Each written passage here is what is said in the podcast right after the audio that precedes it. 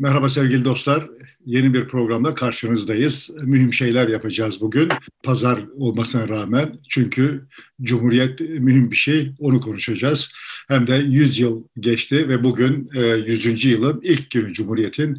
Bu vesileyle biz Cumhuriyet'in işte ilk 100 yılında neler oldu, Türk toplumu nereden nereye geldi, dünyadaki diğer toplumlarla biraz bir miktar mukayese ederek bir ele alalım istiyoruz. Günlük hayatta işte eğitimde, sağlıkta, insanın yaşam biçiminde, ömründe ne tür değişiklikler oldu?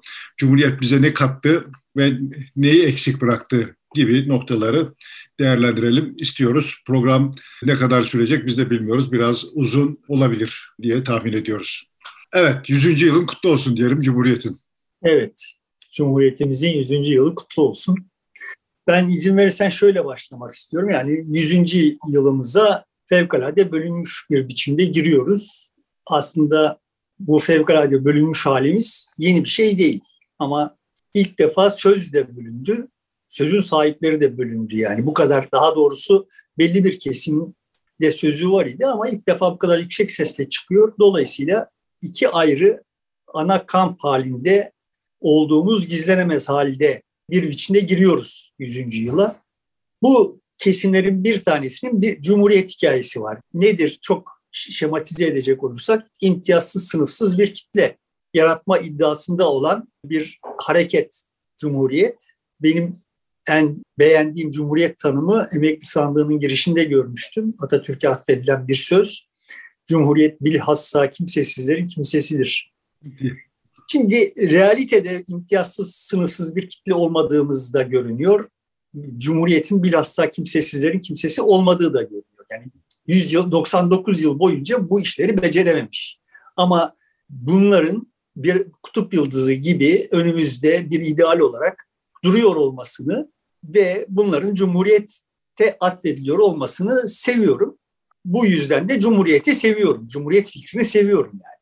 Bu anlamda herhangi bir sıkıntım yok ama Cumhuriyet'in bu iddialarını gerçekleştirememiş olduğunu önümüze koymakta da fayda olduğunu düşünüyorum. Yani bak böyle bir takım iddialarımız vardı ve bu iddiaları gerçekleştiremedik diye önümüze koyar isek eğer daha serin kanlı tartışabiliriz. Bunları nasıl gerçekleşti yani imtiyazsız sınıfsız bir kitle tasavvuru bana zaten imkansız görünüyor. Bu başarılabilir bir şey değil yani bir hedef değil ama dediğim gibi hani kutup yıldızı gibi orada uzakta bir yerde durursa daha adil bir sosyal düzen vesaire bir vaat olarak önümüzde durursa ve işte hiç değilse bir sosyalizmin işte herkesin eşit olduğu bir toplum yaratma hedefi gibi Cumhuriyet'te imtiyazsız e, bir toplum yaratacaktı ya da Müslümanların da aynı şekilde gelir düzeyi eşit olan, hayat biçimi de eşit olan bir toplum vaadi vardı. Orada da e, pek çok şey gerçekleşmedi.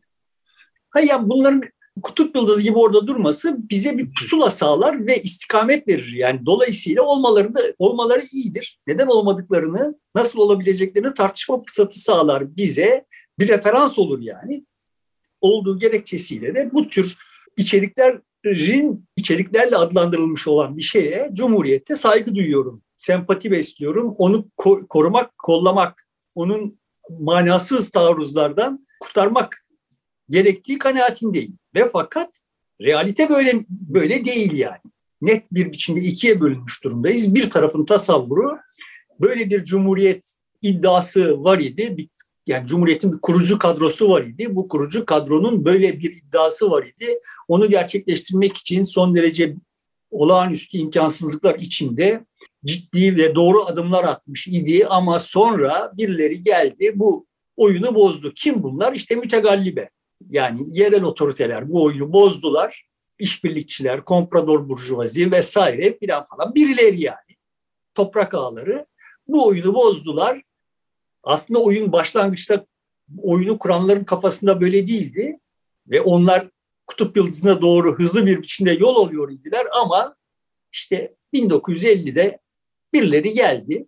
Zaten vardılar onlar işte bir biçimde tasfiye edilememiş, terbiye edilememiş idiler oyunu bozdular ve e, oradan beri de dikiş tutmuyor Türkiye. Şimdi bir kısmın hikayesi bu yani. Dolayısıyla onlar dönüp dolaşıp bize bir Atatürk anlatıyorlar.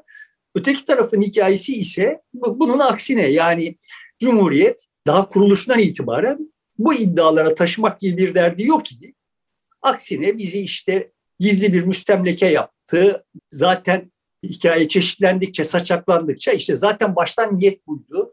İşte Osmanlı'yı yıktılar. Osmanlı aslında ne güzel işte şöyle bir dört başı mamur düzen idi ama işte yedi düvel bir araya gelip yıkamadıkları Osmanlı'yı Osmanlı'nın içinden çıkan bir takım subaylar yıktılar ve işte batılı özenti tutumlarıyla da toplumun dokusunu da bozdular. Biz bu, o yüzden bu hallerdeyiz vesaire geyikleri ile büyüyen ve bunları tekrarlayıp duran bir ikinci blok var yani Türkiye'de. Yani ge Şimdi realite aramıza bu. bıçak gibi girdi. Geçmişte aramıza bıçak gibi girdi. Kesti. Tamamen yepyeni bir şey kurdu. Hatta işte dilimizi bile e, değiştirdi. Alfabemizi değiştirdi filan. Oraya kadar giden bir şey de var. İşte bir, ya da işte bunu bir parantez gibi görüp şimdi e, o parantezi kapatıp atacağız. Yeniden eskinin devamını sağlayacağız diyorlardı. Evet yani o eskide böyle bir mükemmellik var idi böyle dört baş mamur bir, bir eskiydi o yani. Hani Cumhuriyet kurulmadan öncesi sanki böyle dört baş mamur bir şeymişti gibi bir masal anlatılıyor yani işte böyle tuhaf bir Abdülhamit, tuhaf bir Osmanlı anlatılıyor. Şimdi realite böyle miydi? Yani Cumhuriyeti kuranlar hangi şartlarla kurdular? Yani hepimiz Cumhuriyet dediğimiz şeyin mayalandığı dönem olarak milli mücadeleye giriyoruz. Milli mücadeleyi kim yaptı? Yani e, işte evet başında Atatürk vardı, yani Kemal vardı, yanında İsmet vardı işte çoğu generallerden oluşan bir heyet var idi. Ama ya son tahlilde böyle kendi başına ortaya çıkmış bir hadise değil bu hadise. Yani o Anadolu'nun dört bir yanında bir takım direnişler vardı. Bu direnişleri bir biçimde örgütleyen veya ve veya finanse eden mütegallibe vardı.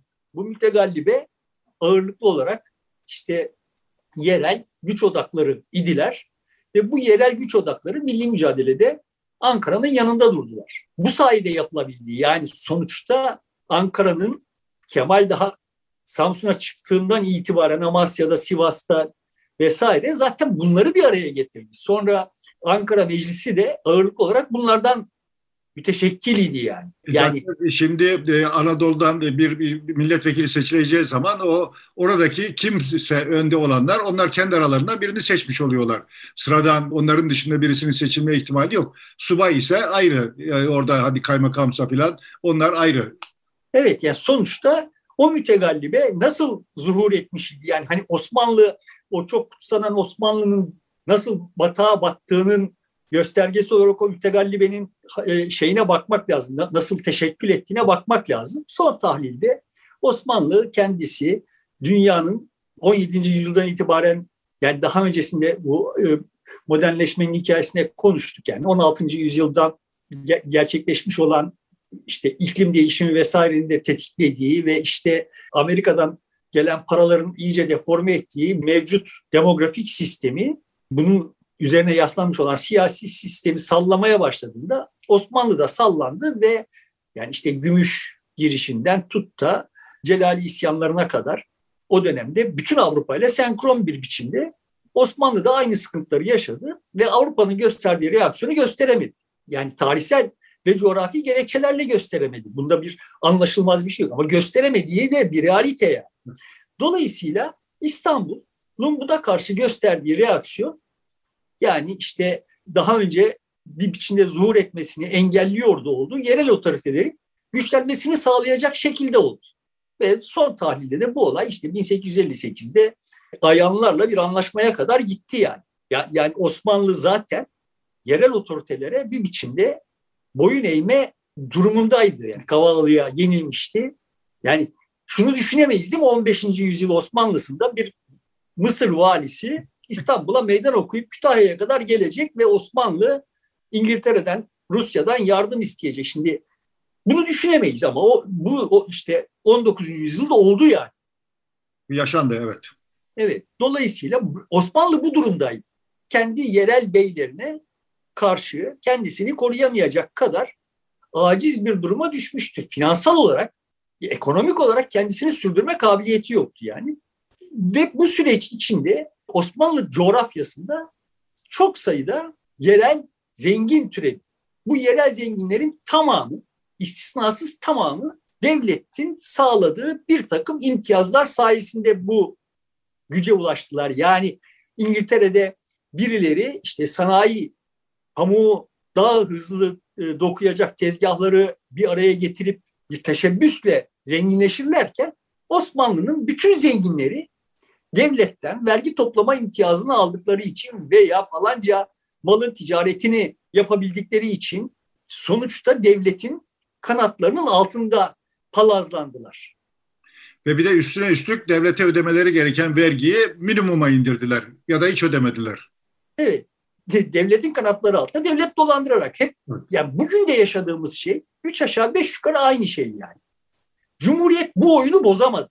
Ama oraya gelmeden önce şunu işaret etmek gerekiyor. Sonuçta o ayanlar demir yolunun oyuna girmesi, tarımın yani batının sanayileşmesi ne paralel olarak nüfusun artması, artan nüfusunu besleyecek tarımsal ürüne veya sanayi sanayi tarım ürününe pamuk gibi ihtiyaç duyması vesaire sebebiyle Avrupa'nın taleplerini karşılayan tarım ürünlerini üreten bir Osmanlı haline geldi. Osmanlı yani daha düşük katma değerli, daha yüksek emek içeriği olan ürünleri üreten bir parya devlet haline geldi ve bu üretimde ağırlıklı faktör topraktı. Toprağa el koydu toplumun belli bir kesimi, bir zümresi, küçük bir zümresi.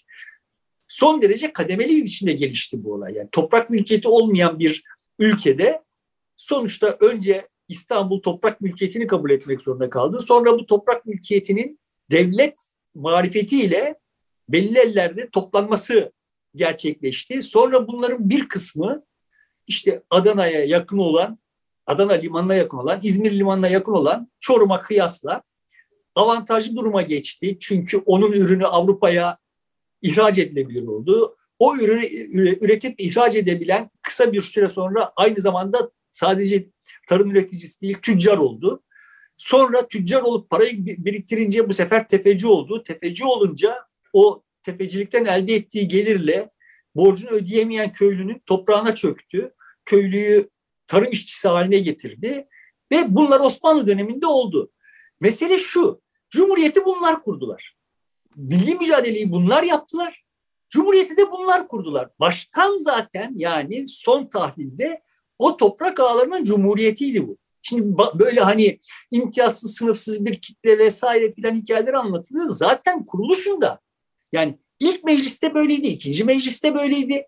1950'ye gelene kadar böyleydi. Arada bir işte ya bir toprak reformu yapsak mı acaba filan diye niyetlendi. Mesela İzmir İktisat Kongresi işte bu işin referansı olarak, Cumhuriyet'in referansı, iktisadi politikanın referansı olarak gösterilir. İzmir İktisat Kongresi toprak reformu diye bir şey yok. Gündeme bile gelmiyor yani. Mecliste gelmiyor. İkinci meclise de gelmiyor. Bir de ama o dönemde e, yani istese bile e, diyelim ki niyeti olsa bile toprak reformunu yapabilecek şartlar var mı? O da bir, bir ayrıca tartışılabilir. Ha şimdi tamam ne güzel yere getirdin. Biz şimdi o heyetin yani Cumhuriyeti kuran heyetin böyle bu mütegallibeden bağımsız orada kendi kafasına göre işte bir milli mücadeleyi dizayn etmiş sonra da Cumhuriyeti kurmuş ve aslında niyet olarak toprak reformunu yapmaya niyetli olan bir heyet olduğunu varsayıyor. o öyle bir heyet yok. Yani sonuçta Cumhuriyeti kurmuş olan heyetin zaten içinde ve ağırlığı olan kesim o toprak reformunun gündeme gelmesine katlanamayacak olan bir heyet. Başka bir heyet gelse ve niyeti toprak reformu yapmak olsa şimdi dünyada o tarihlerde olmayacak şeyler olmuş. Yani imparatorluğu yıkmışsın sonuçta. Ankara'ya başkent yapmışsın. Yani toprak reformu yapmaya niyetlensen belki yapabilirsin ama niyetlenilmemiş. Şimdi biz böyle bir niyet varmış. Varsayımı yani bir kesim, belli bir kesim Türkiye'de böyle bir niyeti olan bir özne varsayıyor. Ben diyorum ki öyle bir özne yok. E, olamaz zaten. Bir yanda işte mütegallibe var. Öbür tarafta işte Osmanlı'da yetişmiş subaylar var. Bir de idareci sınıf var. Yani entelektüel sınıf bile çok fazla yok. Birkaç da öğretmen, hoca, talebe okudan insanlar vardır. Doğal olarak din heyeti var ayrıca yani namaz kıldıran, ezan okuyan insanlar. Onun dışında çeşitli kesimler yok ki e, talepte bulunsunlar, e, üretimde bulunsunlar ya da bir şey yapmaya çalışsınlar muhtemelen de e, askerlerin en büyük kabiliyeti organizasyonu çok iyi becerebilme halleriydi ve bir de diplomasiyi biliyorlardı, yabancılarla görüşmeyi. Onu e, örgütleyip oradan bir yapı çıkardılar. Tamam ama yani hikaye böyle anlatılmıyor. Bunu demeye çalışıyorum. Yani oradaki orada böyle kendisi steril, temiz ve iyi niyetleri olan bir özne varmış gibi anlatılıyor. Öyle bir özne yok. Olamaz ki diye bilemem. Yani son tahlilde niyetim bu olursa o toplumsal kesimli yani köylüyü, topraksız köylüyü mütegallibeye karşı ayaklandırmak gibi bir niyetin olur. Ayaklandırırsın. Köylü de ayaklanır. Ama köylüyü zaten bastırmak Cumhuriyeti kuranların birinci önceliğiydi. Temel mesele şuydu yani işte gayrimüslim e, mülklerine el konacak. Bunlar aramızda paylaşılacak. Birilerinin arasında paylaşılacak. O cumhuriyeti kuran kadroların nezaretinde birilerinin arasında paylaşılacak. Yani ta 6-7 Eylül'e kadar sonradan gidecek olan hikaye evet bütün bu Osmanlı'nın son döneminde Osmanlı ürünü olan ta, toprak mahsullerinin, tarım mahsullerinin Avrupa'ya transferi sırasında ticarette aracılık yaparak da ayrı bir pozisyon kazanmış olan şehirli gayrimüslimlerin de tasfiyesi bu arada ama bu, an, bu anlamda herhangi bir suçu günahı olmayan köylü, toprak sahibi gayrimüslimlerin tasfiyesi ve onların topraklarına çökülmesi idi. Ve bu süreçte yani işte sembolik bir isimdir. Hani ben Eskişehirli olduğum için Sivrisarlı Sazak. Yani Sazak ailesi sonuçta şimdi toprak reformu sonradan çok ileride gündeme geldiğinde buna böyle ne o zengin düşmanlığı mı yapıyorsunuz filan falan diye karşı çıktığında ki sonuçta işte tam bir mütegallibeydi ve milli mücadelenin yanındaydı ve ama son tahlilde zenginliğin kaynağını bilmiyoruz. Toprak ya sahibi olduğu geniş toprakların kaynağını bilmiyoruz yani. Böyle birçok insan vardı o oyunun içinde ve oyun onların oyunuydu. Şimdi bu oyunu bozmak için oyunun böyle oynanma, oynanmamasına heveslenmiş, niyetlenmiş bir özne görmüyoruz. Demeye çalıştığım şey bu. Ama İzmir suikastiyle birlikte yani kendi ayağına bağ olanları tasfiye ederken bu tür heyetleri de tasfiye etmeye niyetlenildiği ne dair bir takım işaretler var. Ve buna karşılık yapılan şey ne? Yani tamam biz bu elindeki toprak veya işte iktisadi güç sayesinde bir pozisyon almış olanlara yani im, imtiyazlı kesimleri kesimlerin karşısına başka birilerini getirip imtiyazlı bir kesim olarak dikeceğiz dendiğinde yani Cumhuriyet 1930'ların ikinci yarısından itibaren bu kamburdan da kurtulmaya karar verdi. Yapılan şey ne? Yapılan şey şu.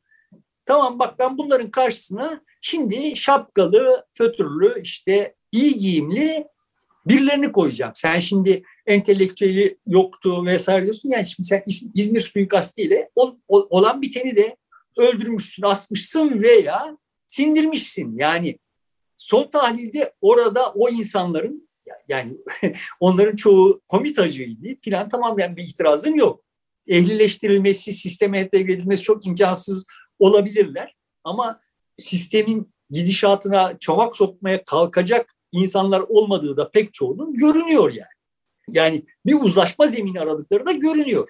Son tahlilde kademeli olarak şöyle bir şey oldu. Yeni bir imtiyazlı kesim yaratıldı ve bu imtiyazlı kesim herhangi bir vasfı, bir katkısı vesaire nedeniyle değil.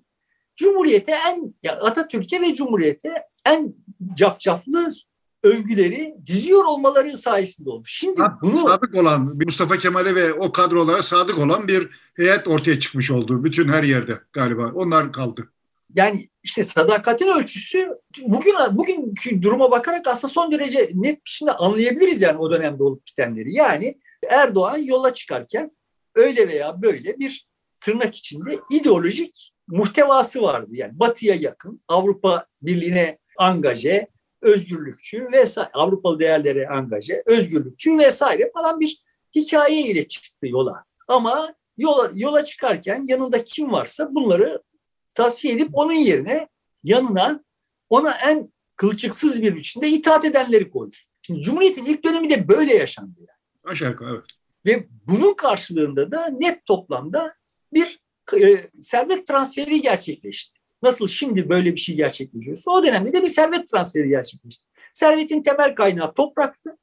Ekonomik katma değerin üretiminde en önemli kaynak topraktı. Dolayısıyla toprağın hem e, kırsaldaki toprağın hem de şehirdeki toprağın paylaşımı üzerinden bir hikaye yaşandı. Bu hikaye yaşanırken böyle atıyorum topluma e, ya da ekonomiye en önemli katkıda bulunanlar vesaireler falan değil. Belli bir şekilde görünenler yani şimdi nasıl badem bıyıklı işte bilmem kimler Kartal İmam Hatip mezunları vesaire gibi kıstaslarla işler belirleniyor ise o tarihte işler böyle belirlendi. Dolayısıyla da Türkiye bir biçimde dünya geneline kıyasla daha yüksek bir vitesle böyle o cumhuriyetçi ideallere doğru yol almadı. Şimdi bu konuda burada bir de bir e, sanayileşme, e, devletin de, devlet eliyle bir de sanayileşme hikayesi var. Muhtemelen onun da yarattığı bir başka zümre oluştu. Memur mühendis bir kitle oluştu ama çok küçük bir şey yani. Ama son tahlilde evet onlar o memur üzerinden bir devlet yürütüldü yani. Memura dokunmak suç olan bir hikaye yazıldı ve bugün hala o devam ediyor. Öyle bir kutsanan devlet ortaya çıktı. Yani devletin kutsiyeti memuruna sirayet ediyor ve son tahlilleri buradan böyle bir Türkiye çıktı. Dönüp dolaşıp aynı hikayeyi ikinci defa, aynı filmi ikinci defa izliyoruz gibi görünüyor. Bu ta dönemde Türkiye işte eğer böyle çok matah bir hikaye yazmış olsaydı biz diyebilirdik ya tamam ama yani bütün bu hengamenin içinde bizim görmediğimiz bir şeyler harekete geçirilmiş ve Türkiye Cumhuriyet sayesinde bunun karşılığını almış diyebilirdik. Böyle mi olmuş? Yani bir takım şeyler üzerinden, veriler üzerinden konuşalım. Şimdi birincisi bir nüfus. Yani 1923'ten 2021'e kadar yani beş ülkenin ve işte dünyanın nüfusunun gelişimini görüyoruz. Bu beş ülkenin bir tanesi şey, altı ülke pardon, bir tanesi Birleşik Krallık yani 1923 itibariyle dünyanın en büyük gücü olduğu için onu seçtim. Onun dışında Osmanlı artığı olan ikisi batıda, ikisi güneyde ülke seçtim. İstatistikler bulabildiğim ölçüde bu ülkeleri seçtim. Yani Yunanistan ve Bulgaristan, Suriye ve Irak. Aslında Mısır, İran vesaire falan gibi ülkeleri de katsak, karşılaştırsak belki daha teferruatlı bir takım verilere ulaşabiliriz. Ama son tahlilde benim anlatmaya çalıştığım hikaye bulanır. Net toplamda görünen tablo şu. Türkiye'nin nüfus artış hızı işte 1923'ten itibaren dünya trendinin de üstünde, işte diğer ülkelerin trendlerinin de üstünde ve çok geç bir tarihte Irak Türkiye vitesine yaklaşıyor ta 2000 küsürlerden sonra ama oraya kadar Irak bile Türkiye'nin vitesinden daha düşük. Türkiye çok hızlı bir biçimde nüfusu artan bir ülke. Çok anlaşılır bir şey. Çünkü çok uzun bir savaş dönemi var arada. Dolayısıyla savaş biter bitmez nüfusun artması ihtiyaç da var. Tarım için toprakta insana ihtiyaç var. E, normal. Bir de ömür kısa. Evet. Sonuçta şey nüfus artışı bütün bu hikayede Türkiye'yi genel trendlerden ayıran bir trend. Türkiye ne Yunanistan, Bulgaristan gibi ne Suriye, Irak gibi artmıyor. Birleşik Krallık gibi hiç artmıyor ve belli bir noktada Birleşik Krallığı geçip nüfus olarak öne geçiyor yani.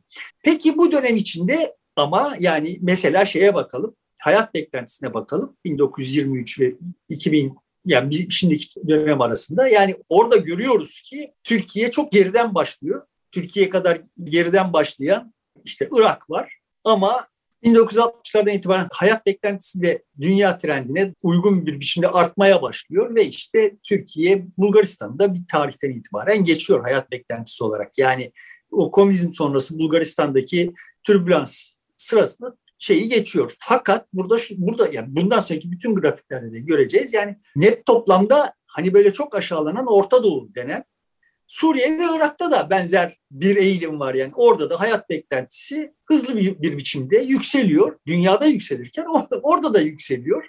Ve işte Suriye'de bir ara bu hayat beklentisinde yani o 2010 sonrasında bir, bir ara bir düşme gerçekleşiyor. Oradan itibaren yine toparlıyor. Yani bu dünyanın genel trendlerine uygun bir trend sergiliyor Türkiye ve ana hatları itibariyle. Suriye ve Irak o dönemlerde bir, bir, biraz da bir etki altında yani tam bağımsız demek bile güç. İngiltere bir tarafta çok daha hakim, bir tarafta e, Fransa çok etkili. Yani pek çok kararın oradan alındığı ve insanların istediği gibi hareket edemediği bir toplum düzeni var. Bizden biraz farklı. Ya bunu diyor isen o zaman şunu da söyleyebiliriz yani bu kadar serin serin söyleyecek olur. Yani demek ki Türkiye'de manda olsaydı yine benzer bir yani cumhuriyet olmasaydı manda olsaydı da benzer bir performans sergileyecekti yani. Yani Cumhuriyet'in bize burada kattığı ekstra bir şey yok. Yani sen Bulgaristan'ın ve Yunanistan'ın arkasından Suriye'nin ve Irak'ın önünden ama sonuçta aynı istikamette yol alan, yani aynı rayın üstünde gidiyor, gidiyoruz bütün dünyayla birlikte. Sadece önümüzdeki vagonlar işte Yunanistan, Bulgaristan, arkamızdakiler de Suriye ve Irak yani. Yani böyle hani bu rakamlar Osmanlı döneminde de benzer özellikler gösteriyormuştur. Bulgaristan ve işte Yunanistan bölgesi biraz daha önde, Anadolu biraz geride, Suriye ve Irak ya da Bağdat geride. Bir ihtimal öyle değildir. Yani Irak'ı bilemem ama yani Suriye'de ciddi, yani Suriye bölgesi o zaman Lübnan da Suriye'ye şey yani işte Halep, Şam, Beyrut bunlar o dönemlerde de gelişmiş yani sosyal gelişmişlik açısından e, gelişmiş Beyrut'un tabii çok e, liman olma özelliği var. Ticaret merkezi aynı zamanda. İzmir gibi yani bizim özelliği var ama Beyrut'u çıkardığımızda Şam ve Halep evet ticari olarak bir canlılık olsa da e, gene de eşit olabilir. Ya da Anadolu'yu da geçiyor ise zaten o zaman Cumhuriyet'in bir başarısı var demektir. Yani Anadolu'nun aslında teknik olarak oraya kadar o tarihe kadar ciddi bir savaş görmemiş olması bir avantajı ama Anadolu nüfus kaynaklarının heder edilmiş olması Yemen'de Anadolu çocukların savaşması artı işte gayrimüslim nüfusun tasfiyesi vesaire nedeniyle Anadolu'nun bir adım geriden başladığını düşünebiliriz. Bu anlamda Türkiye'nin Suriye ve Irak'ın bir adım önde olması Cumhuriyet'in bir başarısı olarak görülebilir. Ama işte orada da Suriye'nin ve Irak'ın zaten müstemleke olması gibi bir mazeretleri var. Benim işaret etmeye çalıştığım şey son tahlilde yani iki tane şeye işaret etmeye çalışıyorum. Bu grafiklere bakarken hep bu gözle bakılmasını talep ediyorum. Birincisi Türkiye'nin yeri öyle çok yani Türkiye Cumhuriyeti kurmakla çok beklenmedik bir performans sergilememiş. Yunanistan ve Bulgaristan'ın az gerisinde genel olarak Suriye ve Irak'ın az ilerisinde yol almış. İkincisi şu, bütün bu toplumlar aynı istikamette yol almışlar. Buna işte biz batılılaşma vesaire diye sonradan bir hikaye uydurulmuş bir batının oryantalist bakışına karşı olarak böyle batı düşmanlığı icat edilmiş bu coğrafyalarda haklı gerekçelerle yani. Ama aslında bu batılılaşma falan diye batı da işte son tahlilde o dönemde batılılaşmış. Yani onlarda zaten varmış da biz sonradan onu, onu keşfetmişiz değil. Onlar da bizden 40 yıl önce, 60 yıl önce neyse aynı yerlerden geçmişler yani. Hep beraber dünya olarak görünüyor ki belli bir istikamette belli bir ayın üstünde yol alıyoruz. Batı'nın tek avantajı ya da ayrıcalığı belki de sanayi üretimi. İşte o da Batı'nın yeni keşfettiği bir şey yani. Sonuçta sanayi üretiminden söz ediyoruz. Evet yani 1923'e geldiğimizde İngiltere'nin Birleşik Krallığı'nın yani dünyanın en sanayileşmiş ülkesinin sanayi üretimi, sanayi üretiminin ekonomideki payı neresinden baksan bugün katlanılamayacak kadar düşük. Evet bir sanayileşme var ama onlar da yeni sanayileşiyorlar. Demeye çalıştığım şey bu. Sanayi dediğimiz zaman da şimdiki gibi böyle son derece sofistike, olağanüstü, yüksek yatırım gerektiren bilmem ne kadar makinalaşmış falan bir şeyden söz etmiyoruz. Yani yine, yine büyük ölçüde emekle yürütülüyor olan, düşük sermaye ihtiyacı olan bir dizi üretim modundan bahsediyoruz 1930'lara geldiğimizde dünyanın her yerinde. Şimdi gelelim üçüncü grafiğimize yani 2011 uluslararası dolar fiyatlarıyla bakıldığında milli gelir nasıl değişmiş? Bu milli gelir değişimi de gösteriyor ki işte Türkiye Cumhuriyet'in ilk yıllarında bariz bir biçimde dünyanın dünyanın büyüme eğrisinin gerisinde. Ve işte orada böyle bir yığın kırılmalar yaşayan birçok ülke var. Yani Yunanistan, Bulgaristan falan da bunlara dahil. Buradan ayrışmış olan, bariz bir ayrışmış olan Birleşik Krallık tabi olarak yani o tarihlerdeki en ciddi ekonomi olarak ama onun dışındakilerin hemen hepsi aynı yerlerden başlamış ve biz uzun süre, çok uzun süre, 1980'lere kadar hem dünya ortalamasının, hem Suriye'nin, hem Irak'ın, hem Yunanistan'ın, hem Bulgaristan'ın gerisinden gitmişiz. 1980'lerden itibaren bir vites büyütmüşüz ve şimdi işte özellikle Yunanistan'ın bu 2008 kriziyle birlikte, çöküşüyle birlikte Yunanistan'ın bize yaklaşması yüzünden, bizim Yunanistan'a yaklaşmamız yüzünden değil yani. Aradaki makas daralmış ve Bulgaristan'ın da öne, önüne geçmişiz ama yani bu gerçekleşen şey 1980'lerden sonra gerçekleşmiş. Şimdi buradan hareketle 1980 askeri darbesini sevesimiz gelecek yani. Bizim toplumsal olarak ileri attı diye. Şimdi 1980 askeri darbesi bir milat gibi görünüyor olabilir. Asıl mesele şu yani 1980'lerle birlikte bu işte şimdi herkesin söylediği küreselleşme başladı ve bu küreselleşme geride kalmış olanların lehine çalıştı. Bütün bütün dünyada böyle çalıştı. Dolayısıyla hani orada da bir takım öznelere böyle ekstra bir takım anlamlar yüklemeye gerek yok yani. Dünyanın bir takım trendleri var ve bu trendler bakıldığında işte mukayese ettiğimizde hikayeyi görüyoruz ki Türkiye öyle çok ekstra bir takım performanslar sergilememiş ama küreselleşmeye uyum sağlamak konusunda diğer ülkelere kıyasla daha çevik davranmış. Oradan Suriye ve Irak'a kıyasla daha çok avantaj sağlamış. Mesela belki İran'la bir kıyaslama yapılabilir. İran çünkü meydan okuyordu e, İslam devriminden sonra küreselleşmeye. Oradaki aradaki fark nasıl acaba? O belki daha anlamlı bir şey söyleyebilir bize. Ya benim derdim şimdi hani bu programda Türkiye'nin bütün hikayesini anlatmak değil. Benim derdim bakın yani net olarak görülüyor ki dünyanın bir takım trendleri var ve bu trendlerin aşırı hızlandığı bir dönemde yaşıyoruz. Yani biz 1970'lere geldiğimizde görülüyor ki işte Birleşik Krallığı dışarıda bırakacak olursak 1970'lere geldiğimizde Yunanistan, Bulgaristan, Türkiye, Suriye, Irak kabaca aynı havuzun içinde ve burada Türkiye en geride. Bu beşin içinde yani. Bir de 70'lerde ilave olarak şunu da söyleyeyim. Türkiye'nin Almanya'ya çok ya da işte Batı'ya çok işçi gönderdiği bir dönem. Yani geçinebilmek için, varlığını sürdürebilmek için pek çok insan oralara çalışmaya gitti. Evet. Son tahlilde çünkü işte ileride göreceğiz. Türkiye ısrarlı bir biçimde tarım, yani Cumhuriyet Türkiye'yi ısrarlı bir biçimde tarım ülkesi olarak tuttu. Birim kelle başına verimliliği arttıracak işlere uyum sağlayamadı yani. Dolayısıyla böyle hani güzellemeler yaparken veya kötülemeler yaparken biraz dilimizi ısırsak fena olmaz diye düşünüyorum. Yani üç aşağı beş yukarı bütün toplumlar aynı yerlerden geçiyorlar ve biz burada başkalarına göre daha hızlı, daha böyle muazzam bir performans falan sergilememişiz. Cumhuriyet'in ilk 50 yılında özellikle bu konuda çok da matah bir şeyimiz yok yani. Grafiğimiz yok. Şimdi gelelim daha sosyal mevzulara.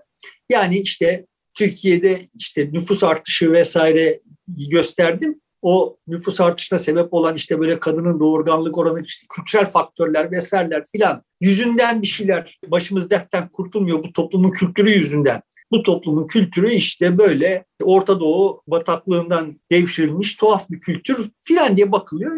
Bakalım yani şimdi evet Türkiye'de doğurganlık oranları 1940'larda çok açık ara Yunanistan'ın, Bulgaristan'ın ve Birleşik Krallığın çok önünde yani. Ve işte Irak ve Suriye'nin de az gerisinde. Ama sonuçta görülüyor ki bunların tamamı Irak ve Suriye'nin ve Türkiye'nin doğurganlık oranı 1960'lardan itibaren hızlı bir biçimde düşüyor. Yani yine görüyoruz ki dünya trendlerine bir biçimde uyum sağlıyor toplumlar. Böyle hani kültürel faktörler vesairelerle açıklanmayacak bir şeyler var dünyada yani. Yani Daha doğrusu 23'lerde 20'li yıllarda 7 çocuk ortalaması varken bu şimdilerde herhalde 2 ya da 2'nin biraz altına indi. 2,05 Türkiye'nin şu andaki kadın başına doğurganlık oranı işte Birleşik Krallığın ki 1960'ların ortasında bundan daha yüksekken işte oradan gerilemiş. Şimdi yeniden toparlamış. Hemen o Türkiye'nin altında ve Yunanistan ve Bulgaristan'ın doğurganlık oranı Birleşik Krallığın da altında yani. Ama ana hatları itibariyle işte global trendler Orta Doğu denen yeri de etkiliyor ya. Böyle çok kültürel olduğu varsayılan kadın başına çocuk sayısının bile o kadar kültürel olmadığını, hasta son derece iktisadi olduğunu görüyoruz. Bu anlamda belki de en, benim açımdan en çarpıcı olan yani işte şehirleşme oranları yani görüyoruz ki 1950'de yani daha eskisini bulamadım bu verinin. Yani grafiklerde zaten görülüyor. Bütün bu datayı Our World in Data sitesinden topladım yani. Orada görünüyor ki 1950 yılında Birleşik Krallığın şehirleşmiş nüfus, şehirli nüfusu yüzde 80 ama işte Türkiye'ninki bütün yani Irak'tan, Suriye'den ve dünya ortalamasından da geride olmak üzere yüzde 24 civarında. 1950'ye geldiğimizde yani. Yani şimdi Cumhuriyet'in karşı devrimle karşılaştığı iddia edilen 1950 tarihine gelindiğinde Türkiye, Irak ve Suriye kadar bile şehirleşmemiş bir toplum yani. Ama Yunanistan'ın mesela işte yüzde 50'nin üstünde. Birleşik Krallığın 80 civarında, Yunanistan'ın 50'nin üstünde. İşte böyle Orta Doğu bataklığı denen Irak'ınki yüzde 35'in üstünde, Suriye'ninki yine 35 civarında, dünyanınki 35'in hemen altında, Bulgaristan'ın onun altında bizimki yani yüzde 23-24 civarında yani şehirleşme oranı. Dolayısıyla şimdi ne olmuş? 1980'e gelindiğinden itibaren Türkiye'de şehirleşme ani bir biçimde zıplamış. Daha önce Yunan, e, dünyanın ortalamasını, hızını geçmiş, ortalamasını geçmiş. Sonra Suriye'ninkini geçmiş ve sonrasında işte Irak'ınkinde geçmiş. Bulgaristan'ın seviyesine gelmiş şimdiki durumda. Yani 2016 yılında. Dolayısıyla aradaki farkı kapatmış. Ama şunu da görüyoruz. Bütün dünyada zaten trend bu. yani şehirleşme artıyor. Türkiye 1950'ye gelindiğinde bu anlamda ciddi bir biçimde gerideymiş ve oradan itibaren yükselmiş. Neden gerideymiş? Neden nüfus bu kadar köylüymüş? Yani çünkü işte Cumhuriyet'in sahipleri mütegallibeydi ve onların menfaati neydi yani köylünün köyde kalması? Tarım üretimi yapması gerekiyordu. Evet, yani çünkü temel e, üretim girdisi toprak, ikinci temel üretim girdisi emek. Yani öyle işte ucuz tarım işçisine ihtiyacı var. Bu arada şunu da gözden kaçırmamak gerekiyor. Son tahlilde Cumhuriyet işte bir mübadelenin de üzerine kurulmuş durumda ve bu mübadelede belli bir nüfus dışarı çıkarılmış, belli bir nüfus da kabul edilmiş. O kabul edilen nüfus ağırlıklı olarak Samsun'u dışarıda bırakacak olursak eğer Adapazarı Eskişehir-Konya hattının batısına yerleştirilmiş.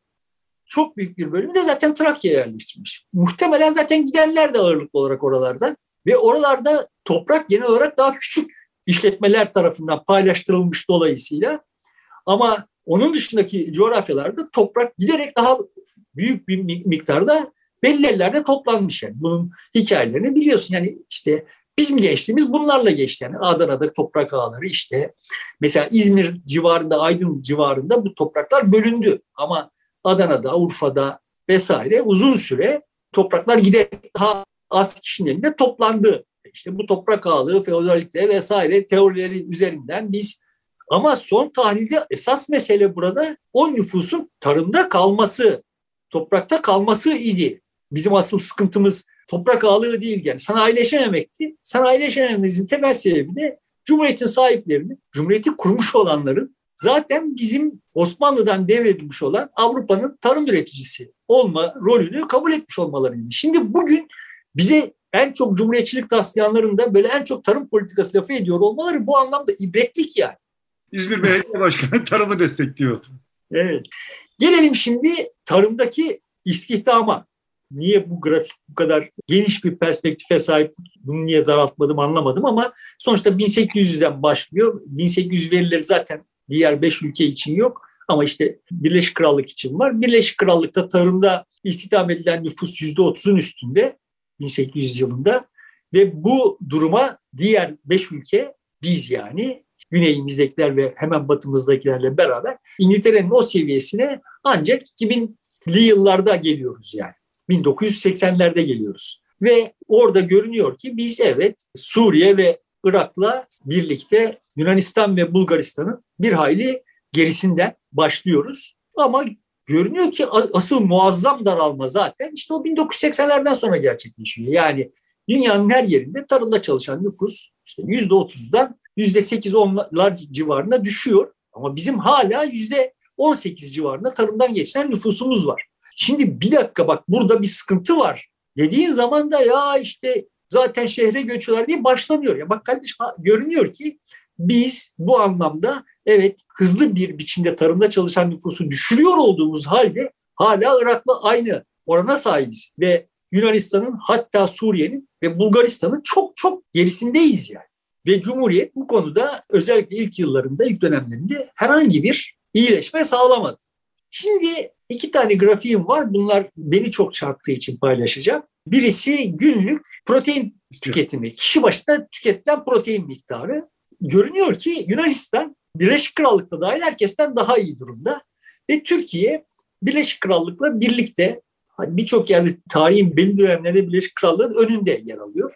Yani tarımsal beslenme, beslenmenin tarımsal kökeni itibariyle bakıldığında işte bu grafiğin çok dikkat çekici hususlarından bir tanesi şu. Diğer bütün grafiklerde işte tarih boyunca hep artan ya da azalan bir eğilim var ve bu eğilim son yıllara yaklaştıkça yani geometrik olarak büyüyen bir takım trendler gördük buraya kadar. Buradan sonra da öyle göreceğiz ama burada bu iki grafikte görüyoruz ki yatay bir trend var. Yani zikzaklar var ama olay yatay. Yani buradan neyi görüyoruz? Yani bir insanın tüketebileceği protein miktarının bir sınırı var yani. Ve o sınıra ta 1960'larda ulaşılmış. Dünyanın işte Irak'ında bile o sınırlara 3 aşağı 5 yukarı en geriden gelen yavaş yavaş işte 80'lerde kendisi toplamış olmasına rağmen Saddam'ın salaklığı yüzünden darbe yiyince aniden yeniden geriye düşen Irak hariç diğerlerinin böyle çok yatay bir grafiği var. Buralarda grafiği, açlık sorunu yok yani. Evet. Benzer bir grafiği kalori tüketiminde de görüyoruz. Yine yatay bir eğilim ve Türkiye burada daha başından itibaren ciddi bir biçimde diğer ülkelerin önünde ve şimdi de önünde yani. Dolayısıyla kişi başına protein ve kalori açısından neyse limitler biz bunlara 1960'larda ulaşmışız zaten. Bunlar sağlanabiliyor. Bu şu manaya gelmiyor yani bunlar eşit paylaşılıyor ve herkes doyuyor manasına gelmiyor. Ama net toplamda bu anlamda bir darboğaz olmadığı görünüyor. Şimdi gelelim bir başka sosyal hususa ve işte burada böyle her şeyin başı olarak gösteriliyor olan eğitime. Ortalama okullaşma yılı süresi yıl olarak nüfus ortalama ne kadar okullaşmış? Şimdi burada şunu görüyoruz. 1923'te 25'te İngiltere'de bu 4,2 yılmış. 4,2 yılla demek ki dünya imparatorluğu olunabiliyormuş yani. yani böyle orada bir takım toplumu böyle tamamını iyi eğitmiş de başarı sağlamış falan falan olunmuyor. Öyle bir ihtiyaç yokmuş yani. Ama net toplamda İngiltere oradan itibaren sürekli olarak bunu iyileştirmiş ve yine burada görüyoruz ki bütün toplumlarda bu eğilim böyle. Yunanistan'da işte 1923'te bu iki buçuk yıl civarında ve Türkiye'de işte Irak ve Suriye'nin hemen üstünde yaklaşık bir yıl, bir, yıl, bir yılın altında. Ama şunu görüyoruz yani Türkiye bu konuda uzun süre yatay gidiyor. Yani o karşı devrim denen hadiselerin gerçekleştiği dönemlere kadar hatta onun sonrasına kadar yatay gidiyor yani. Bu olay Türkiye'de yine 1980'den sonra vites büyütüyor ve ancak işte Suriye'nin 2011 sonrasındaki türbülansına kadar Suriye ile de baş edemiyor da oradan itibaren Suriye'yi geçiyor Irak'ın ve Suriye'nin önünde ama hala 8 yılla yani işte 10,5 yıl olan Yunanistan'ın 11-12 yıl civarında olan Bulgaristan'ın ve 13 yıl civarında olan Birleşik Krallığı gerisinde. Ciddi oranda gerisinde yani süre olarak. Ama yani Birleşik Krallık'ta da insanların tamamının böyle aman allame cihan olmadığı işte filan da görünüyor ve Birleşik Krallık'la Bulgaristan'ın arasındaki fark o kadar yüksek değil ama ikisinin arasındaki ekonomik başarı farkı çok bariz görünüyor. Dolayısıyla yani bu eğitime bakarken de hesapları doğru yapmak gerekiyor. Bir taraftan bunu söyle, söylemiş olayım. yandan da Suriye'de mesela daha iyiyken bizden ya da geri değilken bile bize göre çok da iyi değil durumu. Ondan evet. Evet yani birincisi bu, bunu söylemiş olayım. İkincisi de ama eğer bunu çok önemsiyor iseniz yani şu, bu, şuradan görünüyor ki Cumhuriyet bunu çok önemsememiş. Bu konuda çok bir şey yapmamış. Böyle bir takım masallar var ortada ama bu masalların realitede karşılığı yok yani. Olmamış yani. Şimdi ilkokul çağındaki çocukların okullaşma oranları bugün işte hemen hemen tamamı Irak hariç yüzde yüz. Ama işte 1923'te bu Türkiye'de Irak ve Suriye'nin de ciddi oranda gerisindeymiş yani. Irak ve Suriye'de bu oranlar yüzde yirmi civarındaymış. Türkiye'de yüzde beş civarındaymış 1923'te. Ve Türkiye orada da Bulgaristan'ın bu verisini bulamamışım ama mesela Yunanistan'da 65'in üstünde bu oran. İlkokul çağındaki çocukların okullaşma oranı 1925 yılında. Yunanistan'da 65'in üstündeyken Türkiye'de %5'in altında, %5 civarında ve bunun seyri de dünyanın seyrine kıyasla bakıldığında yani Suriye ve Irak'ın seyrine bakıldığında onunla mukayese edildiğinde öyle çok matah, çok yüksek bir şeyi yok Türkiye'nin. Aksine onların gerisinde kalmış. Nereye kadar? 60'lara kadar. Nerede yakalamışız geçmişiz? 80'lerde yakalayıp geçmişiz. Bir kere daha yani. Dolayısıyla Cumhuriyet bu hani eğitimli bir kitle yaratmak ve bu yolla filan bir şeyler yapmak gibi bir takım hikayeler anlatıp duranların hayallerinin aksine bunu gerçekleştirememiş veya gerçekleştirmek istememiş zaten. bunu, bunu o kadar önemsememiş. Tersinden de şöyle bir durum da çıkabilir. Pekala e, çok da eğitimli olmayan hatta komşularındaki duruma baktığımızda geride olan bir toplum cumhuriyeti kurabiliyor. Sistemi değiştirebiliyor yani. Evet. Öyle de bakabiliriz. Yani cahil bir toplum diye nitelendirdiğin yerde o toplum kesimi yepyeni bir düzen organize edebiliyor. Evet, buradan şuna da şunu da söyleyebiliriz güzelce. Yani bu Yunanistan, Bulgaristan, Suriye ve Irak 1925'e gelindiğinde neden ilkokul çağındaki çocuklarını okullandırma konusunda Anadolu'da kurulmuş olan Türkiye Cumhuriyeti'nden daha ilerideler. Çünkü işte evet o bölgelerdeki yerel otoriteler okullaşmaya daha çok ehemmiyet vermişler. Yani Türkiye'de de bu olay nerelerde yoğunlaştı? İşte mesela Tarsus'ta yoğunlaştı. İşte mesela Erzurum'da yoğunlaştı. Yani nerelerde gayrimüslimlerin yoğun oluyor. Yani birçok okul aslında gayrimüslimlerin okullarıydı ve Osmanlı yani böyle bugün çok övülüyor olan Osmanlı aslında kendi tebaasının Osmanlı Anadolu'ya son dönemlerinde, Abdülhamit dönemlerinde belli bir yığınak yapıyor ve bir, bir, bir takım okullar açıyor iken filan bile yeterince bu yığınağı yapamamış. Yani o yerel otoriteler kadar bile performans sergileyememiş. Yani Osmanlı'ya da böyle hani mavi boncuk dağıtıp duranlara da bir kapak olmak üzere bunu söyleyebiliriz. Niye bu kadar geri, eğitim olarak bu kadar geri kalmış bu nüfus yani? Çünkü biliyoruz ki evet yani erişilebilir olan yerde insanlar yani ne olmuş mesela İstanbul'da gayrimüslim okulları açılmış ve Türk çocukları oraya birbirlerini ezip oraya gitmişler yani. Demek ki okul olsa gidilecek ama yok olmamış. Osmanlı da bu konuda suçlayacaksak suçlu, Cumhuriyet de bu konuda suçlu yani. Muhtemelen gayrimüslimlerin mekteplerinin Türk mekteplerinden çok olduğu bile ortaya çıkabilir. Tabii tabii. Dikkatli bir araştırma yapması. İbretlik başka bir grafik var. Hani bu bugüne bugünden sonrasına yönelik olarak konuşacağımız zaman çok anlam taşıyacağı için söylüyorum. Yüksek okul mezunlarının toplumdaki payları itibariyle bakıldığında Yunanistan %30 civarında. 15 yaşın üstündeki nüfusun içinde yüksek okul mezunlarının oranı Yunanistan'da %25'in üstünde. Birleşik Krallık'ta 16 civarında, Bulgaristan'da 13 civarında, Irak'ta 8 civarında, Suriye'de 4 civarında, Türkiye'de de 5'in hemen üstünde. Yani bu her yere üniversite açılıyor, bu kadar çok üniversite mezunu yapılacak falan diyenlere gerçekten ben kulaklarıma inanamıyorum bu lafları duyduğum zaman yani.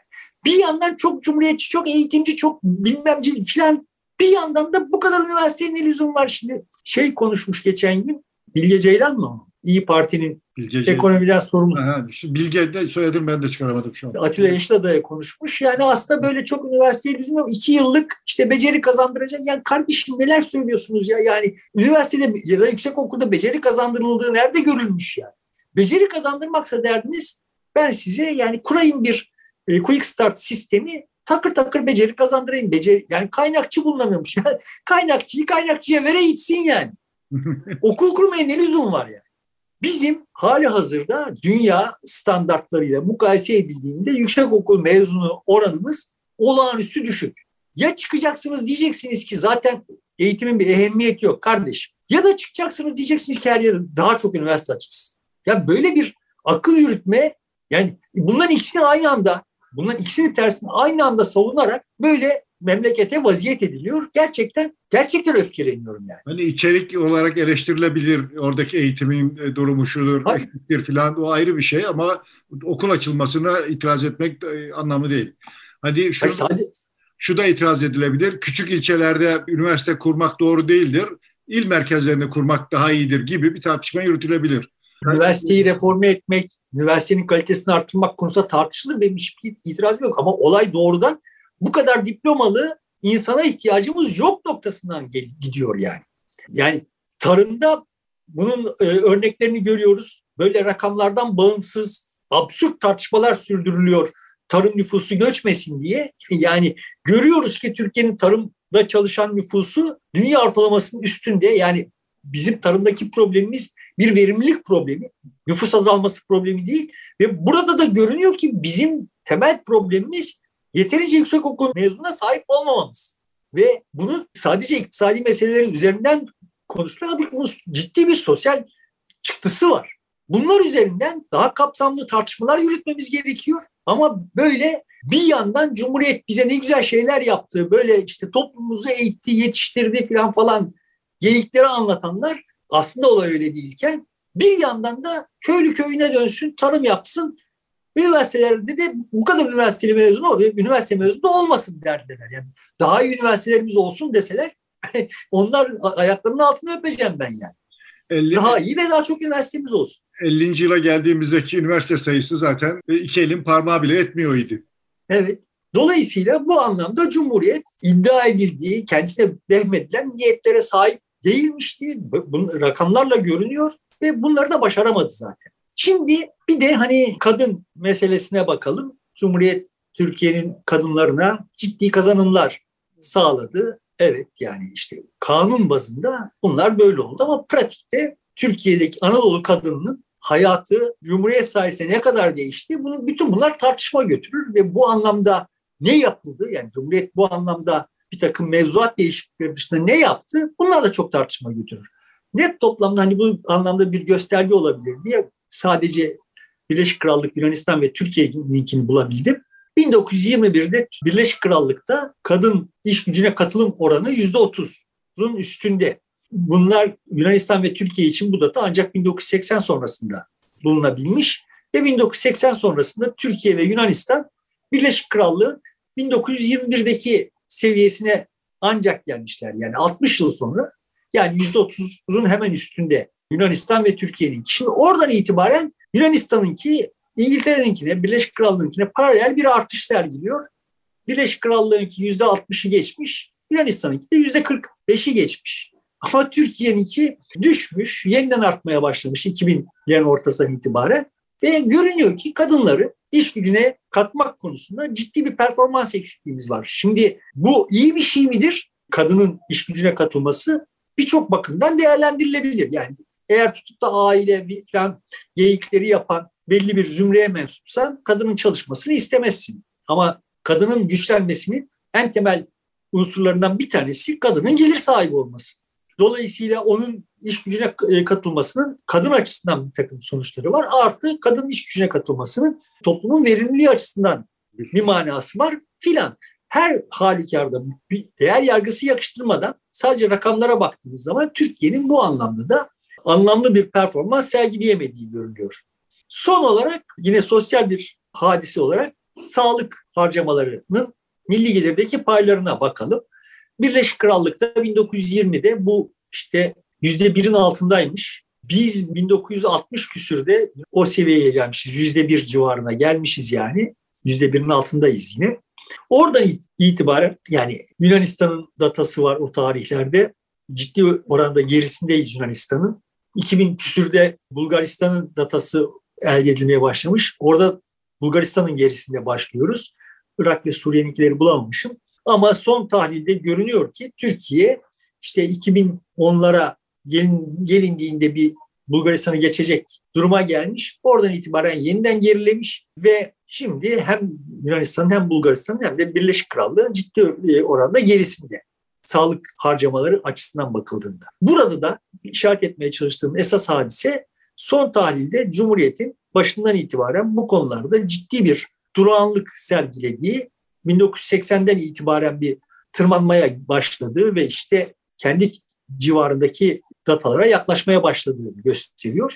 Son tahlilde toplayacak olursak ana hatlar itibariyle bugüne nasıl geldiğimize bakacak olursak bir yerlerde bir takım hayaller kurmak Cumhuriyete yönelik olarak yani Cumhuriyet'in şöyle niyetleri vardı, böyle niyetleri vardı diye o hayalleri Cumhuriyete yapıştırmak hoş bir şey. Cumhuriyeti böyle hayalleri olan bir şey olarak tarif etmek benim açımdan hoş bir şey. Ama pratik öyle değil. Şimdi bu hayallere nasıl ulaşacağımızı, Cumhuriyet'in o hayallerine nasıl ulaşacağımızı tartışmamız gerekiyor bizim. Yani bu hayaller, iyi hayaller benim açımdan Tamam mı? İster Osmanlı'yla, ister Cumhuriyet'le, ister bilmem neyle sonuçta onlara ulaşılması gerek. Yani biz onlara ulaşacağız iddiasıyla bir şeyler yapmışız. Niye ulaşamamışız? Bunları anlayıp bunları çözecek işler yapmamız lazım. Ama biz bunu yapmak yerine vay biz bunu yapacaktık siz engellediniz. Yok aslında onu Osmanlı yapacaktı siz engellediniz gibi saçma bir şeyin üzerinden enerji tüketiyoruz yani. Net toplamda 100 yılın hikayesi olarak geldiğimiz nokta eğer Cumhuriyet olmasaydı da muhtemelen 3 aşağı yani aşağıladığımız Suriye ve Irak bir kesimin aşağıladığı Suriye ve Irak seviyesinde kalsaydı, olsaydı çok da matah bir fark yok yani. Buradan baktığımız zaman Yunanistan ve Bulgaristan bize daha bir şey görünüyor ama Suriye ve Irak başka bir çağa aitmiş gibi görünüyor. Aslında değil yani. Sonuçta herkesi etkileyen üç aşağı beş yukarı aynı e, trend var ve bunların tamamı aynı derecede başarılı veya aynı derecede başarısızlar. Buraya kadarı bilmiyorum konuşmamız gereken başka bir şey var mı? E, datalar üzerinden işte gelişme seviyesini ölçme açısından iyi, bir grafik açısından da iyi oldu. Karşılaştırdık yani datalara bakarak. Tabii bu dataları söylemek kafalardaki yerleşmiş olan fikirleri değiştirmeye yeter mi yetmez mi? Bu da ayrı bir, bir şey. Sonuçta Cumhuriyet evet e, refah olarak belli bir noktaya gelemedi ama mesela hala çatışma içerisinde Suriye ve şey e, Irak bir devlet organizasyonu bile olamadı. Öyle bir farklılıklar da var arada şey, karşılaştırdığımızda. Yani bir biraz da organizasyon, organizasyon kabiliyeti Türkiye'nin diğerlerinden daha önde. Şey, diğer şartlar eşit olmasına rağmen. Yani Suriye ve Irak durumuna düşmeyeceğimizin bir garantisi yok. Evet. Son tahlilde e, bütün bu süreç boyunca Yunanistan işte bir takım darbelerle boğuştu, iç savaş yaşadı. Yani Suriye ve Irak'tan önce onlar da yaşadılar yani. E işte yani Son tahlilde Bulgaristan bir komünizm tecrübesi yaşadı. O komünizmden çıkarken ciddi bir türbülans yaşadı. O komünizme girerken de bir evet. takım sıkıntılar yaşadı. Bu anlamda bir nasıl diyeyim yani seyrek rastlanan hadiselerin siyah kuğuların yani öngörüleme siyah kuğuların frekansı üzerinden bir takım mukayeselerin yapılmasını çok sağlıklı bulmuyorum.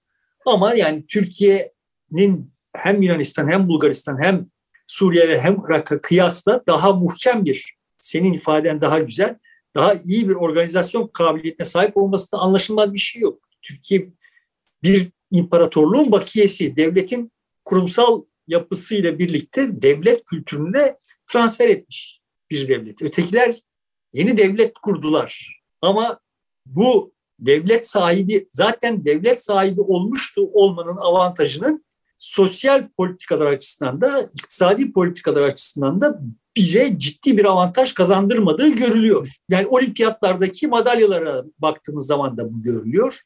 İktisadi faktörlere baktığımız zaman da bu görülüyor. İşte Nobel ödüllü insan sayısına baktığımız zaman da bu görülüyor vesaire. Sonuçta bizim olduğumuz yerden daha iyi bir yerde olmamız gerekiyor. Değiliz ve asıl mesele son tahlilde başladığımız noktadayız bir açıdan bakıldığında. Yani devletin imtiyaz dağıttığı bir toplumuz. Evet. Toplumun geniş kesimleri devletin karşısında çaresiz. Devlet işte şuna gazeteci diyor, o gazeteci oluyor. Buna sanayici diyor, o sanayici oluyor. İşte buna profesör diyor, o profesör oluyor. Ama sonuçta gazetecisi gazetecilik yapmıyor, profesörü profesörlük yapmıyor. Başında da böyleydi. Yani Osmanlı da böyleydi. Osmanlı devletliğinde de böyleydi. Şu zengin olacak diyordu. O zengin oluyordu. Ve böyle olunca o zenginin artık zenginliği yürütebilmesi, sürdürebilmesi için, zenginliğinin ne zeval gelmemesini sağlayabilmek için devletin bir şubesi haline gelmesi gerekiyor. Kendisinin ekstra bir şey yapması gerekmiyor artık yani. Aslında o taarruz şunu yapabilir. Ya Cumhuriyet'in böyle iddiaları vardı ve bu iddialar hoş iddialardı. Ama tırnak içinde cumhuriyetçiler bunları gerçekleştiremediler. Biz gerçekleştireceğiz diyebilirlerdi. Bunun için çaba harcayabilirlerdi ama onu tercih etmediler. Başlangıçta öyle göründüler ama bunu tercih etmediler yani. Şimdi Siz imtiyazlıydınız. Erdoğan o noktaya geliyor işte yeni Türkiye yüzyılı açılışı yaptı. Evet. Ee, Erdoğan o noktadan çok geriye gitti. Yani sonuçta şimdi biz kuracağız filan demeye çalışıyor. Ama bu daha çok hani kendisine yeniden kuvvet kazanmasını bir organizasyona gitmek gibi bir şey. Ya çok pratik olarak çok bariz bir biçimde görüyoruz. Yani bunu bunun da datalarını çıkarabilirim gerekiyorsa yani. Son derece net bir biçimde yapılıyor olan şey şu. Sizin elinize verilmiş olan imtiyazları yani ordunun vesayeti vesaire şemsiyesi altında kendi kutsiyetine yaslanarak bir şeyleri dayatıyordu olan devletin keyfi olarak dağıttığı imtiyazları şimdi biz bizim yandaşlarımıza dağıtacağız kardeşim. Yani bu yandaşlar yani dün bir kısmı onların dün bu taraftaydılar. Şimdi bu tarafa geçtiler.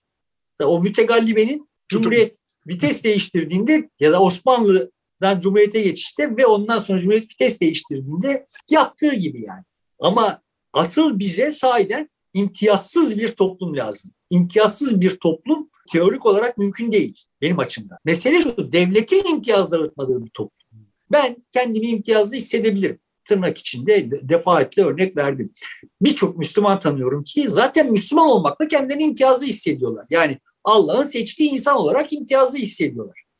Şimdi onun kendisini böyle hissetmesinin bize hiç kimseye bir zararı yok. Ama Allah'ın kendisini seçmiş olmasıyla Müslüman onu Müslüman kılmış olmakla, Müslüman olmasını sağlamış olmakla, ona hidayet bahşetmiş olmasıyla kendisini imtiyazlı hisseden bize başımızı örtmemiz veya işte şöyle giyinmemiz veya işte içki içmememiz falan gibi bir takım şeyleri dayatma imtiyazı haline anladığı zaman o zaman bir sıkıntı çıkıyor. Ya sen kendini imtiyazlı hisset. Ötekisi yüksek okul mezunu olduğu için kendisini imtiyazlı hissetsin. Ama o imtiyaza yaslanarak devletin kendisini koruyup kollamasını sürdürmesini istediği zaman iş çığırından çıkıyor. Benim derdim buralarda. Dolayısıyla bu kesimlerin hepsi olacak ve herkes kendisini imtiyazlı hissedecek. Ona bir orada hiçbir sorunum yok benim yani. Ama bu kesimlerin imtiyaz için devleti kullanmak gibi bir fırsatları olduğunda bu fırsatı mutlaka değerlendiriyorlar ve o değerlendirildiği zaman da biz bu bataklıktan çıkamıyoruz yani. Devlet senin aleyhine geçmiş oluyor ya da devletin gücünü yanına almış oluyor. O taraf o zaman da eşit olmuyor hiçbir şey. Eşit olmayınca da tartışma yürümüyor. Hayır asıl sıkıntı şu artık hiç kimse için. Şimdi tablo şöyle bir şey.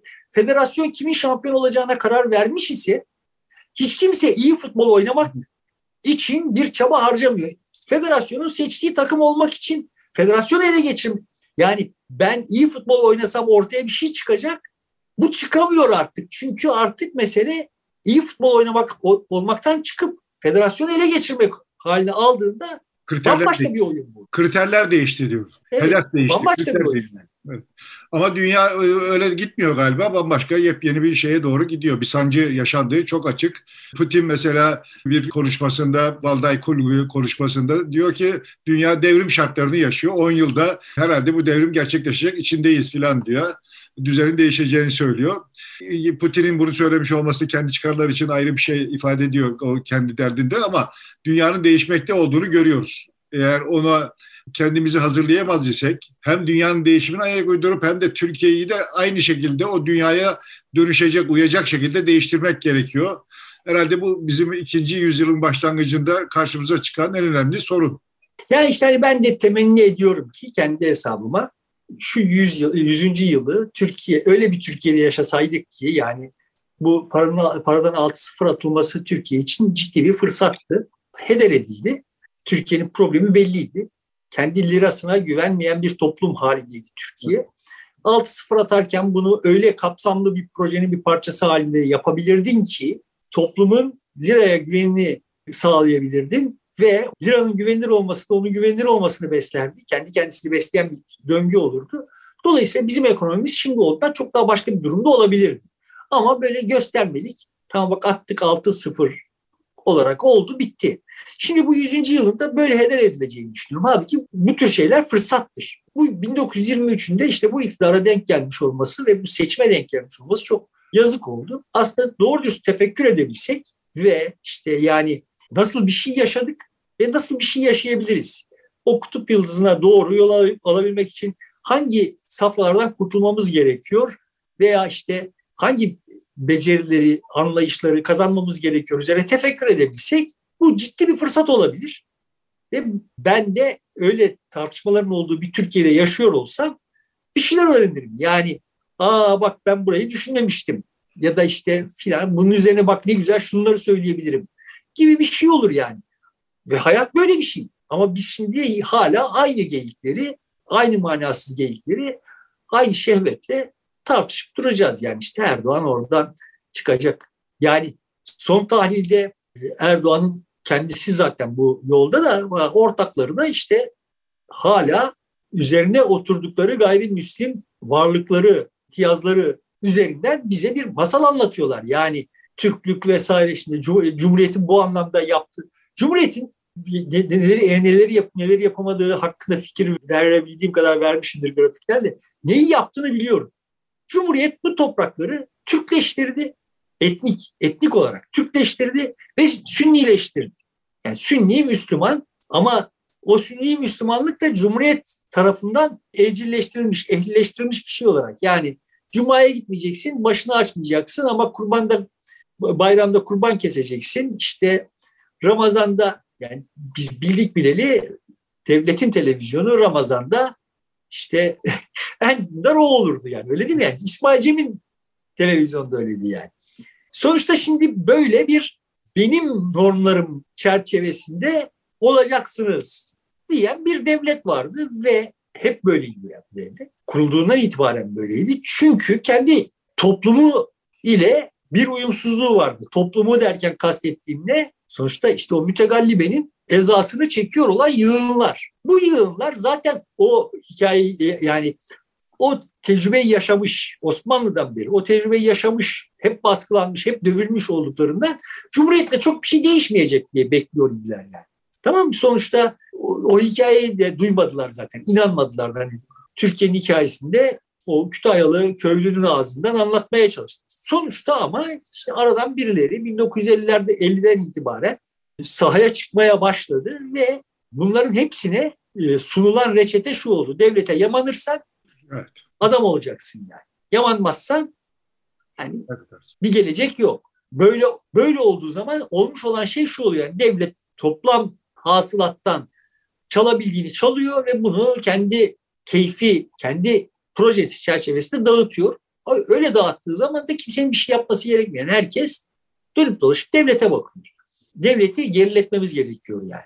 Devlet kendi kendisine buradan geri adım atmaz. Bizim toplum olarak devleti geriletmemiz gerekiyor. Bu tür tartışmalara vesile olsa 100. yıl çok hoşuma gidecek.